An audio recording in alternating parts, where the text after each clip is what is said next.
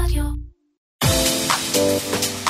שלום וברוכים הבאים ל Cash n' Trash, הפודקאסט שיחבר לכם בין העסקים לבין השעשועים, בין ה show לבין ה business. אני אליחי וידל, עורך סיטק של כלכליסט. ואני רותה קופפר, כתבת טלוויזיה ועיתונאית תרבות. בפודקאסט הזה אנחנו לומדים מהטובים ביותר איך הופכים זבל רכילותי למזומנים, איך מחברים בין המצלצלים למנצנצים. בפרק היום נדבר על הערים והמדינות שבהן מצלמים סרטים וסדרות ואיך זה משפיע עליהן, וגם על אה, פריס הילטון, לא עיר, לא מלון, אבל גלובלית מספיק. כן, שמעלה סדרה חדשה בנטפליקס לבשל עם פריס. אה, נזכיר גם את המכירה האחרונה של ריס וויטרספון, מה דולי פרטון עשתה עם התמלוגים של אחד מהשירים שלה, וגם שריאנה, רשמית, היא מיליארדרית. עוד מיליארדרית לצוות שלנו ב Cash n' Trash, יכולה להיות ספונסורית שלנו, בכיף, נכון? כן, אנחנו מדברים על זה עכשיו. בסדר. אוקיי. יאללה. אבל לפני כל זה, החידה. נו, החידה היום, החידה שבועית. השבועית שלנו. דברי. אז אה, מהו אה, Rickrolling, אתה זוכר? כן, טוב, ת- ת- ת- ספרי לנו. וגם כמה כסף ה Rickrolling הזה מגלגל. אנחנו אוקיי. ננסה לנתח את התופעה. ננסה לנחש. אז אה, האמת היא שבמתישהו ב-2006, 2007, שיר שהיה להיט בשנות ה-80, Never Gonna Give You Up, של... אל תגידי לי את השיר הזה, נו, זה, זה שיר שנדבק. זה... רק אומרים את השם, אתה כבר את כאילו השם. מתחיל עכשיו, להתנגן. מעכשיו, מעכשיו לדעתי, עד מחר בבוקר, השיר הזה כל הזמן יתנגן לי בראש. בסדר, זה- וכשזה יעבור לך אני את יודעת אצלצל. באיזה רמה זה? זה כן? ברמה של ים השיבלים. לא, ממש לא. אצלי כן. זה הרבה, וזה. מים זה השיבולים פשוט- לא נדבק. אצלי הוא נדבק בצורה איום ונורא. איום בכל. אופן, אז אה, השיר הזה הפך לאולי המים הראשון באינטרנט בעצם. כל פעם, זה התחיל במין ככה אה, תכסיס תעלול כזה. למשוך שהיית- אנשים. שב 4chan, שאם היית לוחץ על זה, הם היו אומרים לך, תלחץ, ואז היית אמור להגיע לאיזה משהו שרצית לראות, ובמקום זה היית רואה את הג'ינג'י הקטן הזה מתנועע כן. בריקודים אה, אה, של שנות ה-80 עם הקול העמוק שלו. בכל אופן, אז השבוע, או בשבוע שעבר יותר נכון, כן, הווידאו הזה הגיע למיליארד צפיות ביוטיוב.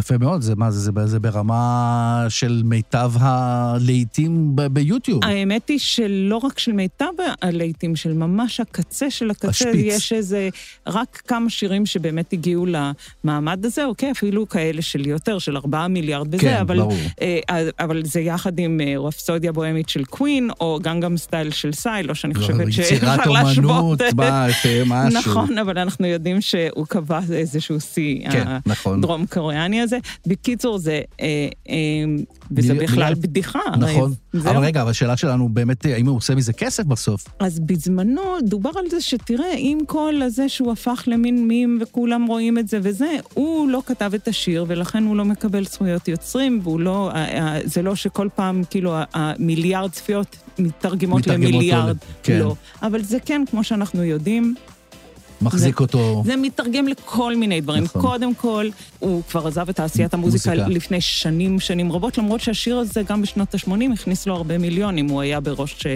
רשימת, אה, אה, איך קוראים לו? מצעד הפזמונים. Top of the Pop, כן, Billboard. exactly. אז הוא היה אה, אה, שם, אז הוא לא בן אדם מסכן מראש, כאילו, אבל אחרי זה...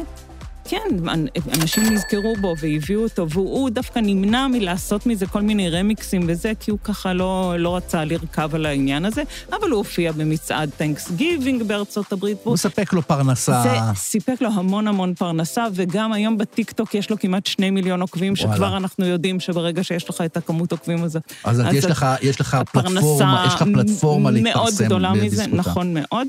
אז אני לא יודעת להגיד לך ממש כמה כסף הוא הרוויח מכל הסיפור הזה, אני רק יכולה להגיד לך, לא מעט. כן, ואם הוא לא מעט, אני מניח שיש איזה מישהו שאיפשהו, מתישהו, גם כן עושה מזה עוד איזה כמה כן, סנטים אה, בוא נגיד לכל אורך הזמן. שכשהגיע ה- כאילו הנתון הזה של המיליארד צפיות, הוא הופיע באינסטגרם והוא אמר, כן. אני אה, מחזיר אותו מאושר, לתודעה, כן, אה, כן. ומודה, וזה מטורף ונפלא, והעולם הוא מקום יפהפה, ואני בר מזל. וואה, כל הכבוד. אה, טוב, אז זהו, זו המנה הראשונה שלנו להיום. אפשר לקפוץ כבר למנות העיקריות. השבוע אנחנו במטבח הבינלאומי, פיוז'ן, משהו נתיך, כל מיני מטבחים אחד אני בשני. אוהבת, אני אוהבת. אז יאללה, Cash n' Trash, מתחילים.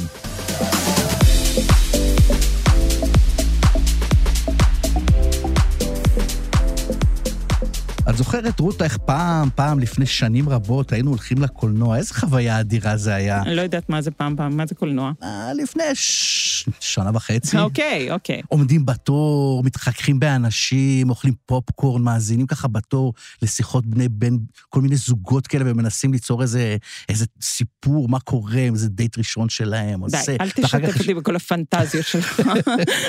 אז זהו, אז הדבר הזה, את יודעת, אה, כבר, כבר אה, הרבה זמן אה, לא ראינו, ו...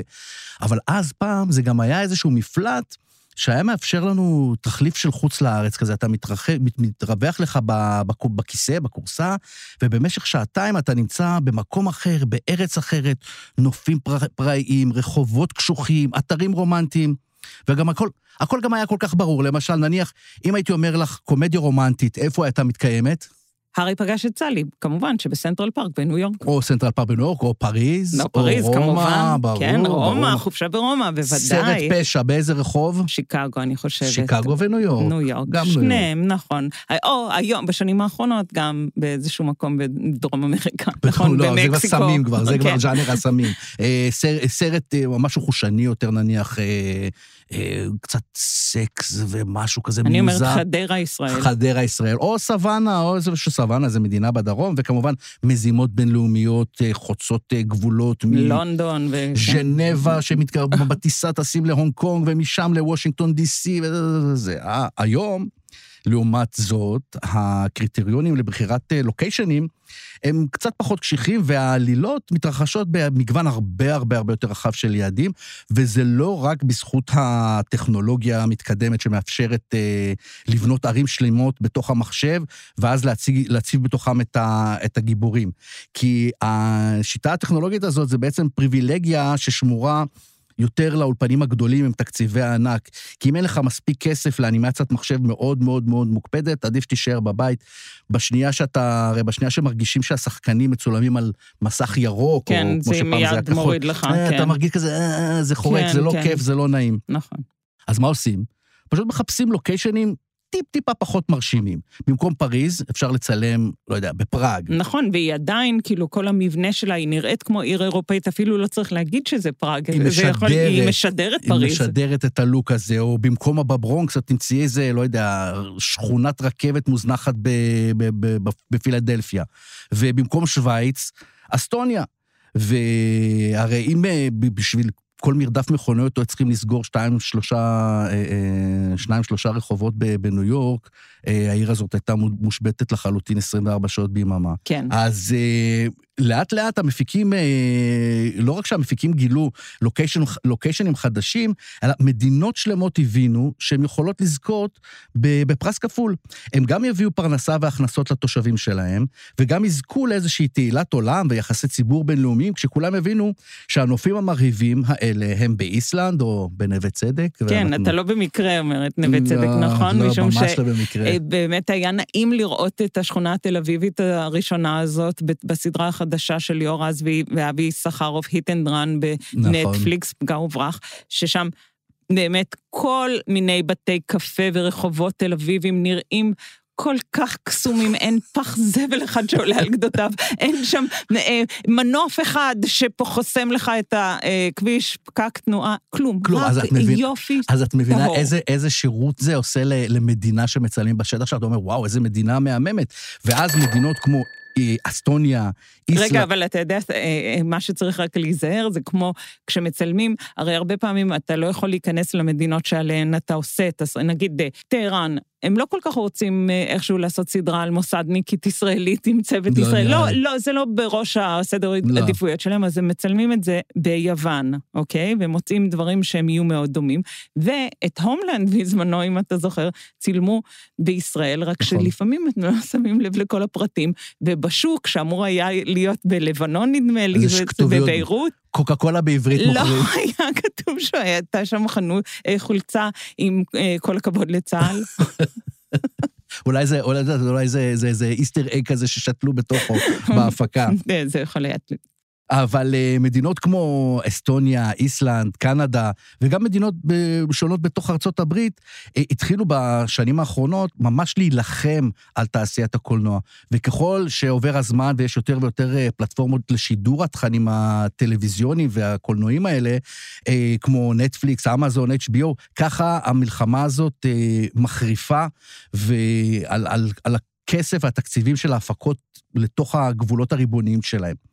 ומה הדרך הטובה ביותר אה, לפתות אנשי עסקים? כמובן, הקלות מס. כמובן. בואי ניקח את אסטוניה למשל, מדינה קטנה בצפון-מזרח אירופה, שחוגגת... על גבול פינלנד ממש. נכון, וחוגגת השנה בסך הכל 30 שנה. באמת? כן, עצמאות. אה, נכון, היא הייתה הרי חלק נכון, מברית המועצות. נכון, נכון, נכון, אבל כבר היום היא מעצמת הייטק, ואחת המדינות הדיגיטליות ביותר בעולם, כל, כל הממשל שלהם הוא ממשל דיגיטלי, ויש שם גם מעצמה, היא מעצמת הייטק אה, די טובה. אז האסטונים לקחו את הגמישות המחשבתית שלהם, כי כנראה זה משהו באופי שלהם, אה, גם לכיוון של תעשיית הבידור, וכבר לפני חמש שנים הם התחילו להציע לאנשי תעשיית הקולנוע החזרי מס של 30 אחוז. זה המון, המון. כן. וזה מתייחס לכל ההוצאות שלהם. שמת, שמתבצעות בתחומי המדינה, ומקבלים גם, דרך אגב, ניכוי מלא במס על תשלום לשחקנים ואנשי צוות. כלומר, ככל שתעודדו יותר אנשים... בקיצור, זה משתלם להם ממש. משתלם בטירוף. אה, מי שלא יכל לסרב להצעה כל כך מפתה הוא הבמאי כריסטופר נולן, שהסרט שלו, טננט, זה שהתגלגל אה, בין שמיים לארץ בשנת 2020, כן. בגלל הקורונה, כן, כן, כן יצא, לא יצא, כן נדחה. הוא התעקש לסיים את ההפקה. אה, ולהקרין אותו כבר בשנת 2020, בזמן שבחוץ אה, השתוללה המגפה. וככה יצא שהעלילה שלו, שהייתה אמורה להתרחש ברובה באוסלו, באוקראינה ובשוויץ, צולמה בכלל באתרים שונים ברחבי אסטוניה. והדבר הזה, דרך אגב, אפשר לנולן, שהוא במאי אקשן ידוע ואוהב אה, ככה פיצוצים ו- ו- ולהבות, לפוצץ באמת דברים על באמת ולא באנימציית מחשב, וככה זה נראה הרבה יותר ריאליסטי ועוצמתי. והקורונה, שנמצאת ככה מסביבנו כל הזמן, מתקשרת למדינה אירופית נוספת שניצלה את ההזדמנות הזאת, וזאת איסלנד.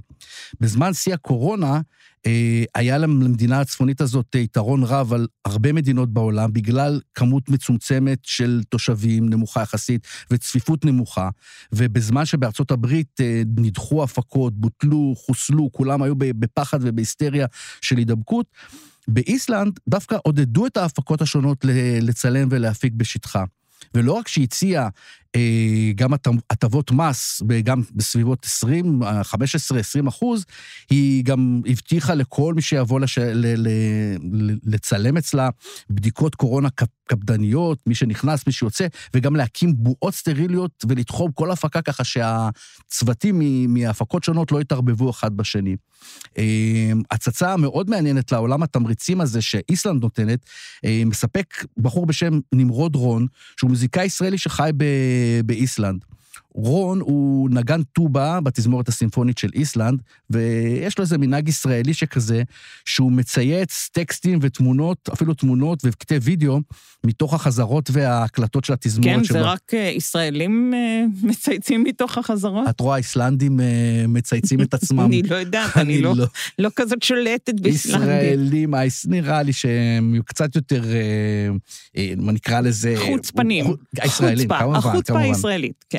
אז לפני כמה ימים הוא העלה סדרת ציוצים בזמן שהתזמורת שבה הוא חבר הקליטה פסקול עבור אטרקציה חדשה של אה, דיסני בדיסנילנד. או, אני רואה מישהו מתרגש כן, כאן. כן, כן, כן, כן. וממה שאני הבנתי, זה היה קשור לאיזה משהו של פרוזן, משהו, איזו אטרקציה חדשה mm, שקשורה ל-Let it go. כן, כן, כי המקצבים והמוזיקה שהוא, שהוא הצליח לצלם בווידאו נשמעו שם. אז הוא הסביר בטוויטר לעוקבים שלו, שראשת ממשלת איסלנד היא תומכת נלהבת של התרבות במדינה. היא גם הייתה זמרת בעברה וגם שרת תרבות, וכדי לחזק את התרבות המקומית ולקרב אותה לרמה הבינלאומית, אה, הוחלט, הממשלה החליטה על מתן סובסידיות להפקות אה, זרות, ומאז, לדבריו, התחילו להגיע המון המון המון הפקות מעולות לאיסלנד הקטנה, בין היתר לאולפנים כמו, של אולפנים כמו נטפליקס ודיסני וסרטים נוספים. זה מעניין, כי אתה יודע, הם הרי מבחינה, מבחינה מסוימת הם לא רצו כל כך, נגיד הייתה איזו תקופה שהם ביקשו שתיירים לא יגיעו יותר, משום ש... אבל ברגע שהם שולטים בזה, והם עשו בדיקות כן, בכניסה או ביציאה... נכון, לא, אבל ערך. עוד לפני הקורונה, הם לא רצו את זה בגלל שהם... אה, פחד, אה, פחדו על הטבע שלהם, כן, שיהרסו להם. כן, כי כולם הגיעו עם ג'יפים שם וזה, וכל ועכשיו- הר געש כבר עכשיו עם נהפך לאיזה ההר געש וזה תל. אטרקציה, כן, זה כמו, כמו איזה מפל בצפון פה. כן. כולם אה, רק מפל של, של לבה במקום אה, זה. אבל עכשיו, לא, אפשר לקחת מטוס וגם לטוס מערבה מאירופה ליבשת החדשה. אם רק ייתנו לנו, אם רק כן, ייתנו לנו... כן, כן, נכון. טוב, נו, בסדר. אה, נעשה את זה בקרוב, בקרוב. עוד, עוד נשוב ליבשת החדשה. כן, אז, אז אנחנו ניסע עכשיו על היבשת החדשה, אה, אה, ל- וששם גם כן יש תחרות לא קטנה לתקציבים של הפקות קולנוע, והמתחרה ברור. הגדולה ביותר של הוליווד, היא דווקא אחת השכנות שלה, וזה כן. קנדה. נכון. היא תמיד הייתה, תמיד הייתה אלטרנטיבה חסכונית ונעימה ואלגנטית יותר עבור... וקרובה כן, גם, כי זה זה לא לטוס עד אירופה, ברור. כן.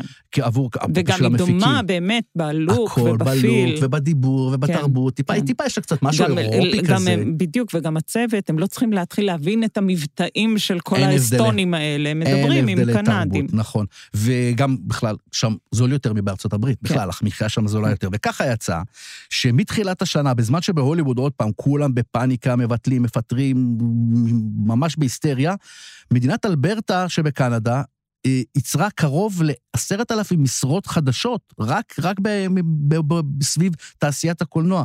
היא אירחה 50 הפקות קולנוע וטלוויזיה וחילקה אה, כהחזרי מס, שוב, עניין החזר המס, אה, מיליארד דולר לכל מי שהפיק ב, ב, ב, בתחום שלה.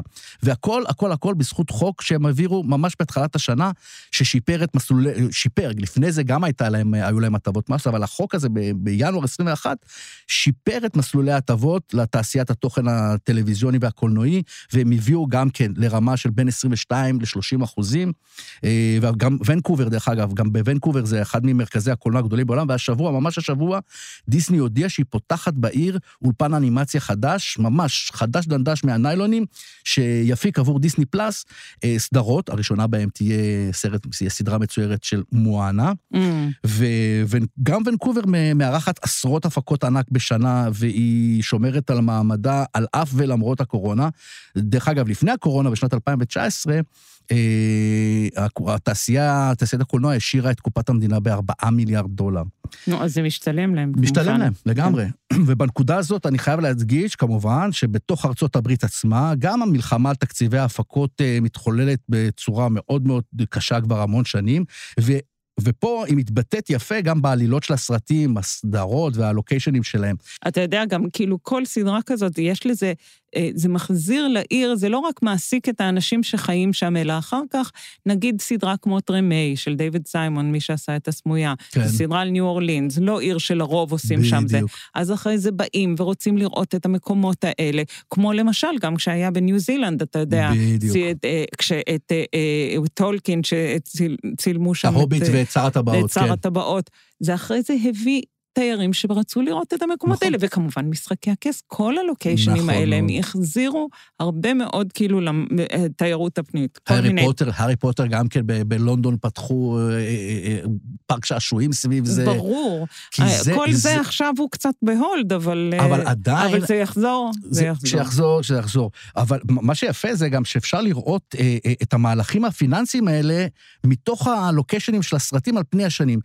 אם פתאום את יכולה לראות אה, במשך, אה, באותה שנה, איזה שניים, שלושה שוברי קופות שמתרחשים בניו אורלינס, כן. אה, או בביצות של לואיזיאנה, אז זה סימן שהמדינה החליטה לתת הקלות מס לתעשייה, היא הבינה. אבל אתה יודע, אני מאמינה שדייוויד סיימון באמת רצה לספר את הסיפור של ניו אורלינס, כי הוא רצה לספר על, על השיטפון שקרה שם, על איך שהסופה שינתה שם אה, הכל. אז, אז אני חושבת שבמקרה הזה באמת, וגם בגלל היוצר שהוא, הוא מישהו שרוצה לעשות סדרה על בולטימור, לא כי הוא מקבל הטבות מס שם, אלא בגלל ברור, ש... אבל יכול להיות שזה גם משהו שאתה, אחד, אה, אה, עשה שם הפקה, מישהו עושה הפקה גדולה, סדרה או, או סרט מאוד מצליח, ואז המדינה מבינה שיש בזה איזשהו ערך כלכלי וחברתי למדינה עצמה, ואז הם מתחילים לגלגל את ההטבות, ואז זה נהיה כזה איזה מעגל. נכון, איזה מעגל, מעגל כזה. אינסופי כאילו, אתה כזה. חושב שאלבקרקי, כאילו, בש- כשכתבו את שובר שורות, מישהו חשב על אלבקרקי כרק אופציה? לא, הם רצו לעשות את זה שם. רצו לעשות את זה שם. כן. אבל אה, נניח, או שיקגו למשל, אם את מופיע- ופתאום שיקגו מופיעה ברצף של כמה סרטים, אז ברור שיש למחוקקים באילינוי איזשהו עניין הזה. ואחת המפורסמות, אחד האתרים המפורסמים ביותר, זה כמובן ג'ורג'יה, מדינת ג'ורג'יה, שבמשך שנים היא ידועה כמי שנותנת הטבות מס לתעשיית הקולנוע, אה, אבל יחד עם זה, אה, במשך, במשך, הש... במשך כמעט כל, ש... כל שנה יש שם משהו כמו 20 הפקות ענק, אבל כיוון שהם כל כך חשופים גם לתעשיית הקולנוע, הם גם חשופים לביקורת. וככה יוצא שכל איזה כמה שנים יש פתאום איזה חרם שמתארגן נגד, אה, נגד המדינה, אה, ואומר, אנחנו לא, לא, לא, לא נצלם את הסרטים שלנו בשטחי, ג'ורג', בשטחי ג'ורג'יה. פעם זה נגד חוקי הפלות, כי יש להם איזה כן. כזה למחוקקים שלהם יש קצת... מה, אה, לפני שאת גזעני. יודעת שאת בהיריון, אז את כבר, כן, אסור לך לעשות אותו. כן, והחבר'ה האלה שם כנראה כן. קצת מאוד שמרנים, נקרא לזה. נקרא לזה כן. שמרנים. אז הם פעם פה בענייני הפלות, פעם באפליית שחורים, אפליית להט"ב, וכל פעם מחדש, כל איזה שנה, שנה וחצי, יש איזה חרם נגד הפקות בג'ורג'יה. חלק כמובן עומדים במילה שלהם ולא מצלמים שם, אבל חלק אחר, הטבות כל כך, אה, כן. כל כך מפתות, שהם לא יכולים אה, לעמוד בזה. כן. בסוף. ואני יודע שאנחנו הבטחנו שלא נתעסק בביצה המקומית, אבל אי אפשר להתעלם מהמצב העלוב של ההפקות בישראל. ורק אני אסביר את זה כאילו על דרך השלילה, למה ישראל בחיים לא יכולה להיות מעצמת הפקות כזאת? ונתחיל בביורוקרטיה. ניסית חשב פעם על מה זה לקבל אישור לסגור חצי רחוב בתל אביב ליום ההפקה. זה, דברים כאלה יכולים להתבצע רק בלחץ של משרד החוץ, לשכנע את פקידי העירייה. כל מה שהם צריכים להגיד זה שהם רוצים לבנות עוד בניין, ואז העירייה תיתן להם פשוט בקלות. אבל אז, לא בקלות, אבל זה ייקח חודשים, שנים, זה לא יעבוד. יכול להיות, לפי מה שאני רואה, כל מי שרוצה לקדוח לנו בראש, יש לו אישור לזה. שכר, הניצבים בישראל, למשל, מבחינת השכר, יעדיפו כן. כמובן לשרוץ בים ולקבל את החל"ת שלהם, מאשר לעמוד איזה שלוש שניות, שיראו אותם לאיזה שלוש שניות. לא רק זה, בשביל שיראו אותך שלוש שניות, אתה הרי נמצא שם כל היום. כל היום, בשמש, כן. השמש הקופחת הזאת. קופחת הישראלית. אנחנו יודעים מה זה. ותארי לך מה, מה קורה אם, אם מתנגשים עם הדתיים, עם כן. השבת, אפשר לצלם בשבת? לא, אי אפשר, וגם אל תשכח, אנחנו קצת war zone, אתה יודע, אנחנו באמצע הזה, ואף אחד לא רוצה... וזו בעיה שלנו, כן. ואף אחד לא רוצה לבטח את השחקנים נכון, על מקום גם כזה. זה, גם הביטוח, הנה, זה גם שיקול פיננסי, כן. כמובן. אה, אבל לסיום, אה, הפרק שמדבר על, שאנחנו מדברים בו על איך שיקולים פיננסיים מכתיבים את הנוף של העלילה, וביחד זה לפעמים גם מעוותים את העלילה עצמה. אני רוצה לחזור עשור אחורה, כמעט עשור אחורה, להפקה של הסרט רובוטריקים 4. בסרט הזה, בניגוד לשלושת הקודמים, אה, שהתרחשו על אדמת USA, הפעם הרובוטריקים והשקרניקים החריבו נופים סינים. אבל שם, במקרה הספציפי הזה, השיקולים לא היו החזרי הוצאות מס או לוקיישנים זולים יותר להפקה. שם השיקולים הכלכליים היו הרבה יותר גדולים בינלאומיים. שני שיקולים עמדו אז מול עיניהם של המפיקים האמריקאים. הראשון, זה היה סוג של תצוגת תכלית למשקיעים האמריקאים מתאגיד טאנסנט, שמאוד מאוד רצו, תעשיית הקולנוע האמריקאית מאוד מאוד. חפצה בעיקרה של התעשייה הסינית, בגלל שהיא הכניסה להם המון המון כסף. אז היה איזשהו סוג של אה, הצגת תכלית כדי למשוך למשוך משקיעים אה, אה, סינים. היום שהם מבינים שהם עכשיו הולכים כאילו להתחרות בהם ולחסל אותם. אז, אז הם קצת יותר אה, מסויגים, ו, וגם, גם, דרך אגב, גם מתברר, ו, ו, וזה השיקול השני, זה פנייה ישירה לקהל הצופים הסינים. רצו למשוך כמה שיותר צופים סינים, את מכירה הרי את הביטוי הזה, אם הייתי רק מוכר, לא יודע, בורג אחד בדולר לכל סיני, הייתי מיליארדר. אז בתחילת העשור, חשבו, עוד פעם, התעשיית הקולנוע האמריקאית חשבה שהם יצליחו לפרוץ את, ה, את החומה הסינית הזאת ולהגיע ל, למיליארד סינים. ולכן הם מאוד מאוד התחנפו, גם ברובוטריקים, הם מאוד מאוד התחנפו לצופים הסינים עם product placement של משקאות שאנחנו ממש לא מכירים אותם, או, או, או כל מיני מותגי יוקרה שה, שהסינים מאוד מאוד אוהבים, ככה שהסרט היה רצוף בנופים סינים לעיניים הסיניות ובמותגים סינים לצרכן הסיני. זה לא כל כך עבד, כי הם קצת אה, יותר אה, שמרנים ממה שאנחנו חושבים, אבל אה, זה היה ניסיון, ואנחנו רואים את זה שוב, ש, שאיזשהו שיקול כלכלי משפיע לא רק על הלוקיישן, אלא על העלילה ועל המסרים אפילו שה, שהתסריטאים וההפקה רוצים להעביר לצופים. אז זהו, זו הייתה מנה עיקרית ככה קדרה. דשנה. דשנה. אז אם אנחנו כבר מדברים על אוכל, אז למה, על מה, מה לדבר? כן, אם אנחנו מדברים על אוכל ואם אנחנו מדברים על ערים בחו"ל, אני מנסה ככה ממש לעוות את המעברון שלנו כאן, אז... אז יאללה, רותה, תקחי אותנו לאן? לפריז? כן, לא, לא לפריז, אבל לפריז הילטון. אז uh, יש uh, תוכנית חדשה עכשיו בנטפליקס שנקראת לבשל עם פריס. זה חלק מגל כזה של סדרות של מין מפורסמות כאלה שלא יודעות לבשל, כמו סלינה פלוס שף, ואימי שומר לומדת לבשל, וגם אה, בכלל גל של תוכניות אה, אה, אוכל, רק שפה יש, אה, אה, ברור כאן לח, לחלוטין שהיא לוקחת את זה עוד צעד, אוקיי? זה מתחיל בזה שהיא מגיעה עם שמלה של האוסקר, היא לא הייתה יכולה להגיע אליה, כי למטבח. זה היה כל כך overdressed, היא מגיעה לסופר. לסופר. אוקיי? לסופר, עם מין שמלה ורודה פוק. פונקציה כזאת מכל השיער, מגדל כזה על, ה, על הראש, ועם אה, כפפות והכול, וזה, היא מסתובבת עם כל התכשיטים, אה, אה, והיא מעמיסה על העגלה שלה קורנפלקסים מהכי הכי ירודים. אבל היא דוחפת את העגלה כן, בעצמה? כן, כן, כן, היא... אין לה איזה עוזרים כזה מסביבה שדוחפים? לא, ואז אוקיי. היא מגיעה לבית לכאורה שלה, ולמטבח לכאורה שלה, והיא מארחת שם... לכאורה חברים שלה. אה, שאולי הם כזה לא לכאורה, אבל לא ניכנס להם ליחסים, כמו קים קרדשיאן, אתה mm, מכיר? הספונסורית שלנו. הספונסורית שלנו. כן. אז היא למשל מופיעה ממש בפרק הראשון, רגע. והיא... רגע, אני רוצה לעצור אותך. אני רוצה להגיד לך, אפרופו קים קרדשן ו- ופריס הילטון, זה שאם היינו עושים את, התוכנית הזאת לפני 10, 15 שנה, משהו כזה, בסביבות האלה, ברור לך ולי... מי הייתה הכוכבת? היא, היא, היא הייתה הספונסורית שלנו. בדיוק, וגם... היא המציאה, היא, היא כאילו, באמת, היא המציאה את התרבות הזאת של קאש וקאש אמיתי, עם טרש וטרש באמת, באמת אמיתי. באמת נכון, אמיתי. התגלמות זה, ואתה צודק כן. לחלוטין, ואני חושבת שגם אה, זה מובלע בתוך הפרק הראשון, משום שקים קרדשיין מגיעה לתוכנית של פאריס לעשות לה מין מערוף כזה, כשפאריס הילטון הופיע אצלה במשפח, mm-hmm. במשפחת קרדשיאנס, היא הגיעה בהתחלה כדי לתת להם קצת מהזוהר שלה. עכשיו, לך נדמה אולי שקצת אה, אה, היא מעמדה כאילו פחת. של פריס. של פריס? לא, אני לא... אבל אנחנו נדבר עוד מעט אוקיי. על זה. בכל אופן, היא, היא, היא, היא מין מתייחסת, מה שהיא מוכרת כאן זה לא יכולת, אה, אה, חוסר יכולת שלה במטבח, אלא... אה, או מאכלים חדשים שזה, כי מה שהיא מבשלת שם זה למשל, אוקיי? מה? אה, למשל? אה, קורנפלקס. היא לוקחת את הקורנפלקס כן. הכי הכי ירודים. באמת? הכי, הכי סוכרים, כן. הכי לא, אתה יודע, wellness. עם התווית האדומה הכי בוהקת. יש שם, התווית האדומה היא פשוט, זה, זה, זה מה שמופיע. זה הלוגו של הסדרה. של הקורנפלקס. והיא עושה שם פרנץ' טוסט עם וואו.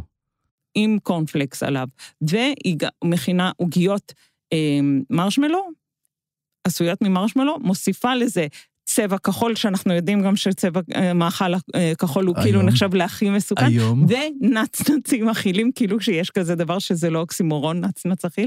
ועל זה היא ככה עושה מזה קרם ברולה, יחד עם קים קרדשיין, ברור כאן לחלוטין שהיא לא באמת מבש... מנסה לבשל, לא מנסה להוכיח שהיא תלמד לבשל מתישהו. מה היא מלמדת כאן? שהיא יכולה... לא רוצה. שיש כאן איזה משהו, היא מין פייה כזאת, עם השמלות שלה, עם החברים שלה, פשוט... עם המאכלים המוזרים האלה. יש שם הרבה אוויר חם בתוך כל הבלונים שממלאים את הבית שלה, מלא מלא בלונים. זה איזה משהו שאתה מסתכל עליו די ככה מוקסם ונגעל, או מחושב, תלוי מה. כן. ויש לה שם איזה ספר מתכונים. שהוא גם מלא מלא מלא תכשיטים וחרוצים ונצנצים, והיא באמצע, ו- וכל המתכונים כתובים בכל הצבעים, זאת אומרת, היא כותבת אותם, כל פסקה בצבע אחר, וזה משהו שמן הסתם עוד מעט יימכר. ברור. ו- ו- ו- ואני אפילו שוקלת אולי לרכוש. לרכוש לעצמי את זה.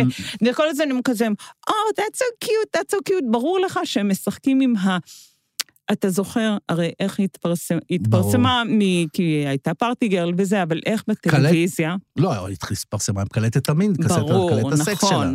אבל באופן, נכון, אבל באופן ככה ממוסד, כן. הייתה סדרה שקראו לה The Simple Life, כן. שבה היא הייתה עושה, כאילו, הבת של אה, אילי ההילטון, כן. אה, המלונאים, היא מגיעה לכל מיני מקומות במיד אמריקה, כזה מרכז כן. אמריקה, והיא עושה דברים כמו להזמין אה, אה, ל- לא, כמו לתת אוכל ב-driveway של מין מזון מהיר.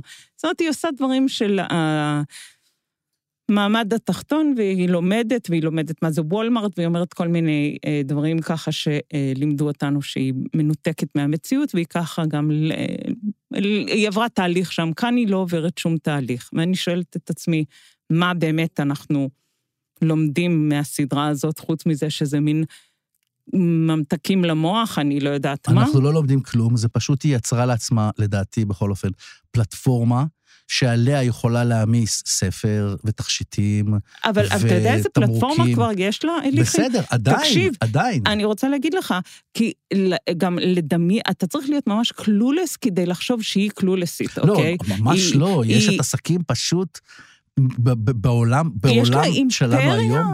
אימפריה. תקשיב, בשווי של מיליארדים. ברור. שכוללת 45 חנויות ממותגות, 19 ליינים של הלבשה תחתונה וחומרי טיפוח ו-27 בסמים שונים. הרווחים שלה מזמן עלו על 4 מיליארד. אוקיי? וחוץ מזה שיש לה המון שת"פים בתחום הוולנס והאופנה, אני לא יודעת איך זה היא מסתדר. מתפרסת על הכל פשוט. נכון. כל דבר שהיא רואה... אגב, ש- יש לה גם אה, אה, פודקאסט. בבקשה. רק אומרת. זה, ואנחנו יודעים ששם זה הכסף שם זה הגדול. הכסף, אנחנו, מניסיון אנחנו יודעים, ברור. anyway, אה, ויש לה עכשיו גם סדרה דוקומנטרית. בקיצור, פאריס הילטון, ואני רוצה להפתיע אותך, היא עכשיו בת 40. היא כבר לא- הולכת- היא לא מילניאל. היא היא. מתנהגת, היא היא בעצם, זה מעניין, כי 40, היא מתנהגת והיא והיא מנהלת העסקים שלה כמו מילניאל, אבל היא בת 40. נכון, מעניין. היא אפילו אומרת, אה, "אתה- אני חיה את החיים שלי כל החיים עד עכשיו כילדה בת 21, ואני מוכנה לעבור לשלב הבא. כן, יפה. אז אתה מוכן לעבור עכשיו לשלב כן, הבא? אה, כן, ואל תלכו לשום מקום עדיין, כי אחרי המעברון המוזיקלי נחטט בשבילכם בפח המחזור, כי בפח המחזור אפשר למצוא עוד שאריות עסיסיות מהארוחות המפוארות שהסלבס זרקו בשבוע שעבר.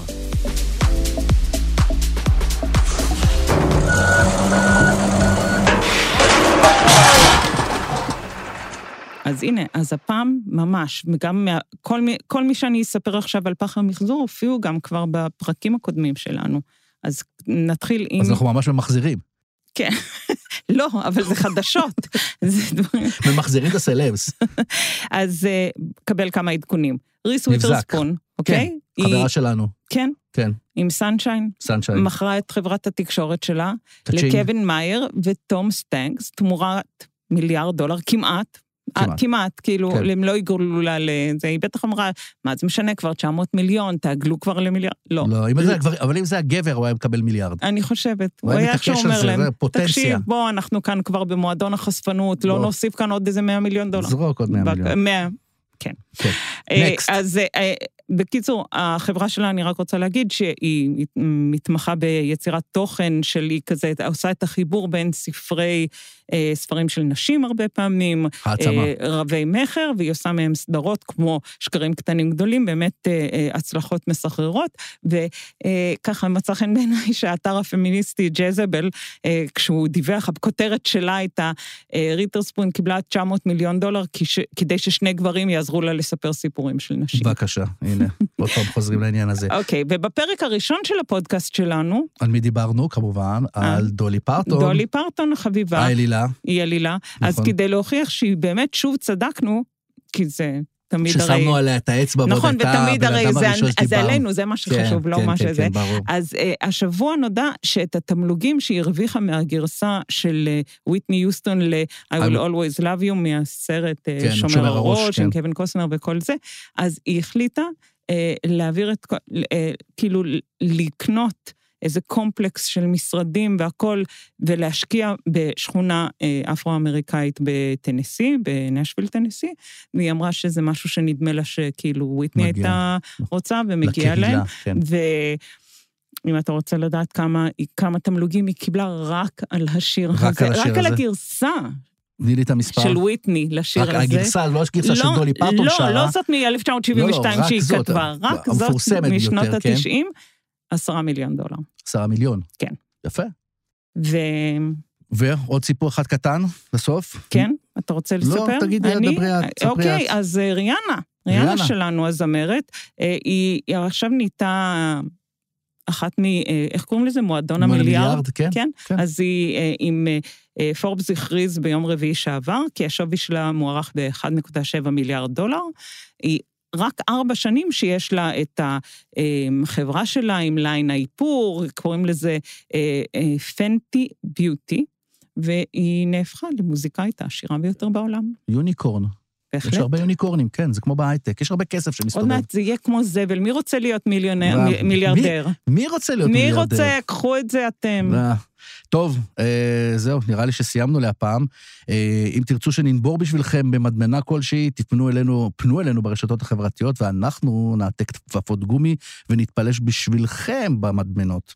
אני רותה קופפר, לרוב שומרת על ניקיון כפיים. ואני אליחי וידל, שמודה לאולפני סוף הסאונד שהקליטו אותנו, ונפרד מכם עם הנתון הבא, עשרה מיליון דולר.